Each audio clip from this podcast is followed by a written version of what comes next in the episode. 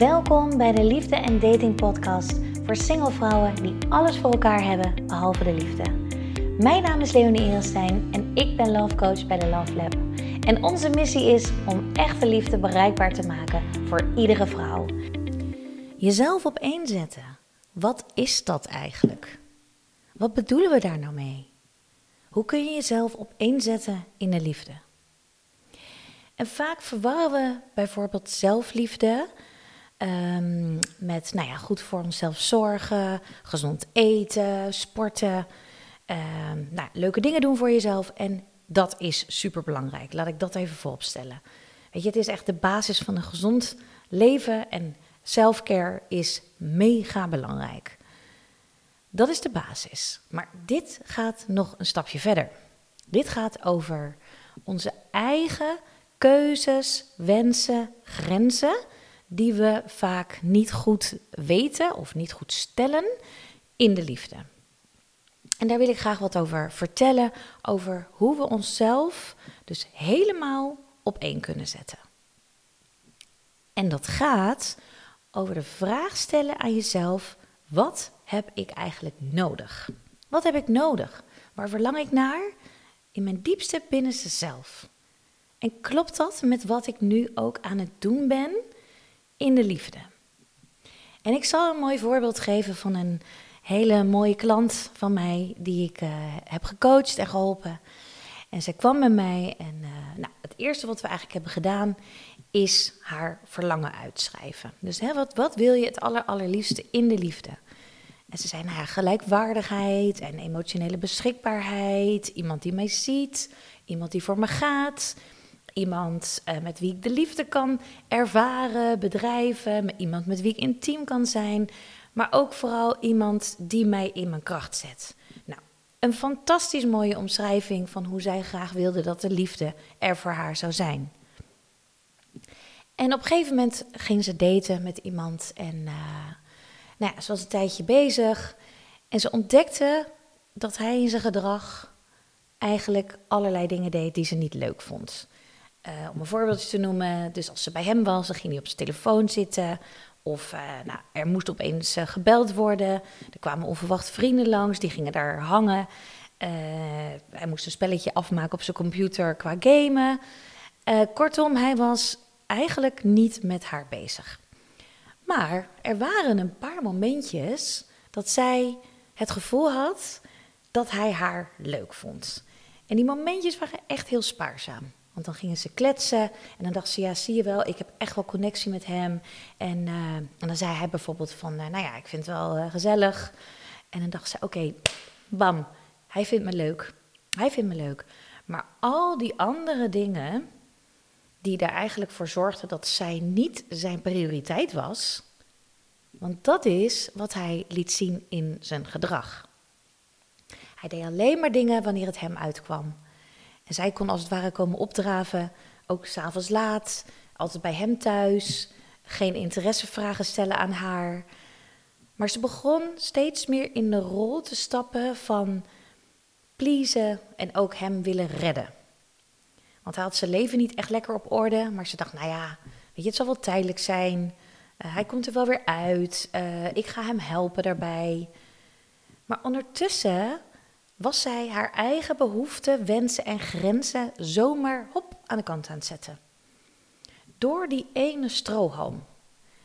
Die kleine momentjes die zij ervaarde als liefde en aandacht die ze kreeg, die zorgde ervoor dat ze eigenlijk in een soort ja, rol stapte, um, in een liefdesverslaving rol kwam.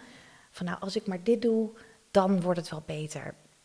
Gedrag gaan goed praten. Alles om maar steeds een klein beetje van die liefde te kunnen krijgen. Die kleine momentjes, die werden voor haar heel groot. Maar al die andere momenten, dat ze dus niet gezien werd, dat ze niet zijn prioriteit was, dat hij zijn behoeften heel ergens anders had liggen, die cijferde ze eigenlijk weg. En dat ging ze voor zichzelf goed praten, bagatelliseren. Van het komt wel goed. En intern eigenlijk een verhaal aan zichzelf vertellen. Wat veel mooier was dan de werkelijkheid. En ik stelde haar de vraag: Hoe gaat het met je? Hoe gaat het hier in deze dating situatie waarin je nu zit? Klopt het met jouw verlangen? En toen gingen haar ogen open. Toen dacht ze: Nee, het klopt helemaal niet met mijn verlangen. Want ik ervaar helemaal geen gelijkwaardigheid. Ik voel helemaal niet dat we een team zijn. Ik heb helemaal niet het idee dat hij voor me gaat. En eigenlijk ben ik mezelf heel hard aan het verliezen op dit moment. Ik ben mezelf aan het verliezen. Ik ben helemaal niet meer trouw aan mezelf. In wat ik wil, wat ik belangrijk vind. Hoe ik mijn leven voor me zie met een liefdevolle partner. Het klopt eigenlijk helemaal niet. En ik zei: Heb je daar iets van gevoeld? Zei je intuïtie iets?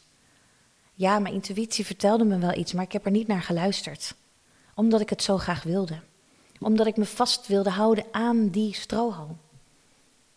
Ik wilde niets liever dan geliefd worden, gezien worden. Het werd een blinde vlek voor haar. Gelukkig is ze er op tijd uitgestapt. En heeft ze ook gezien en gevoeld en ervaren van hé, hey, wat was ik nou eigenlijk aan het doen? Ik heb mezelf helemaal opzij gezet. En niet op één gezet. Want als ik mezelf op één had gezet, had ik andere keuzes gemaakt. Had ik andere keuzes gemaakt. Had ik geluisterd naar mijn onderbuikgevoel. Die eigenlijk al vertelde dat dit voor mij geen goede partij zou zijn. En hoe kun je nou jezelf op één zetten als je in zo'n situatie zit? Dat is door het stellen van de volgende vragen. En die ga ik nu met je delen. De eerste vraag die je zelf kunt stellen is: waar verlang ik echt diep van binnen naar? Wat is dat? En waar ga ik nooit concessies op doen? Nooit. Waar ga ik nooit op inleveren? Dus dat zijn welke dromen heb je? Wat wil je diep van binnen? Wat is echt een hele grote wens? Dus waar ga je nooit concessies op doen? En dat kan bijvoorbeeld zijn, ik laat me nooit meer uh, respectloos behandelen. Daar ga ik nooit concessies op doen. Dus zet dat heel helder voor jezelf uiteen wat dat is. Hoe wil ik me voelen in een relatie? Superbelangrijk. Hoe wil je je voelen?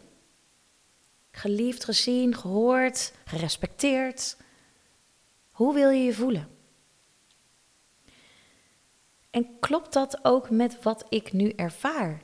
Want in haar situatie, waar ik het net over had, het voorbeeld wat ik gaf, ze wilde zich graag geliefd voelen, gelijkwaardig voelen, als een team voelen, maar ze voelde dat niet zo.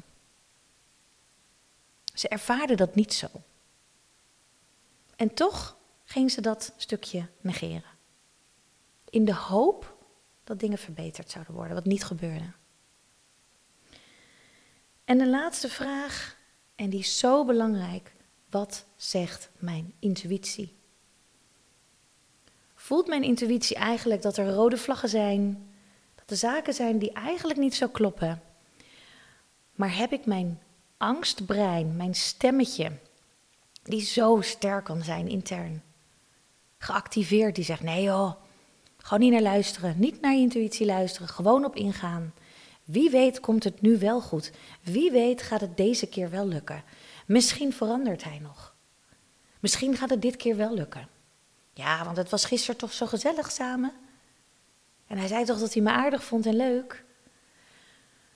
Maar dat is ons innerlijke stemmetje wat ons in een situatie manoeuvreert en over de intuïtie heen klapt, als het ware. En stap terug in je intuïtie en stel jezelf dus de vragen die ik net met je heb gedeeld. Om steeds alert te zijn bij jezelf. Klopt dit met hoe ik me wil voelen? Klopt dit met mijn verlangen? Zegt mijn intuïtie uh, de waarheid? Wat zegt het?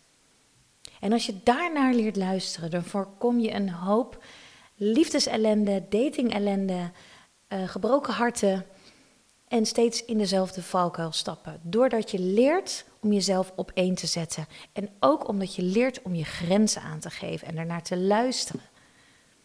En je mag ook nee zeggen. Als het niet goed voelt voor je, dan zeg je: hey, Ehm, nou, ik heb het geprobeerd, maar het voelt niet goed voor mij. Ik heb andere behoeftes, dus ik neem bij deze afscheid. Dat is super krachtig om dat op die manier te gaan zeggen tegen iemand. En dat kan jij ook als je maar naar jezelf luistert. En dat is de allerbelangrijkste les die ik graag nu met je wil delen. Dankjewel voor het luisteren. En mocht je deze podcast nou interessant vinden, zou je dan alsjeblieft een review willen schrijven in iTunes of op Google Play als je de naam van de podcast opzoekt Liefde en Dating voor single vrouwen. Want dan kan ik nog meer mooie content maken en nog meer vrouwen helpen aan echte liefde. Je kunt me ook volgen op Instagram op Love Coach Leonie voor nog meer liefde en datingtips. Dankjewel.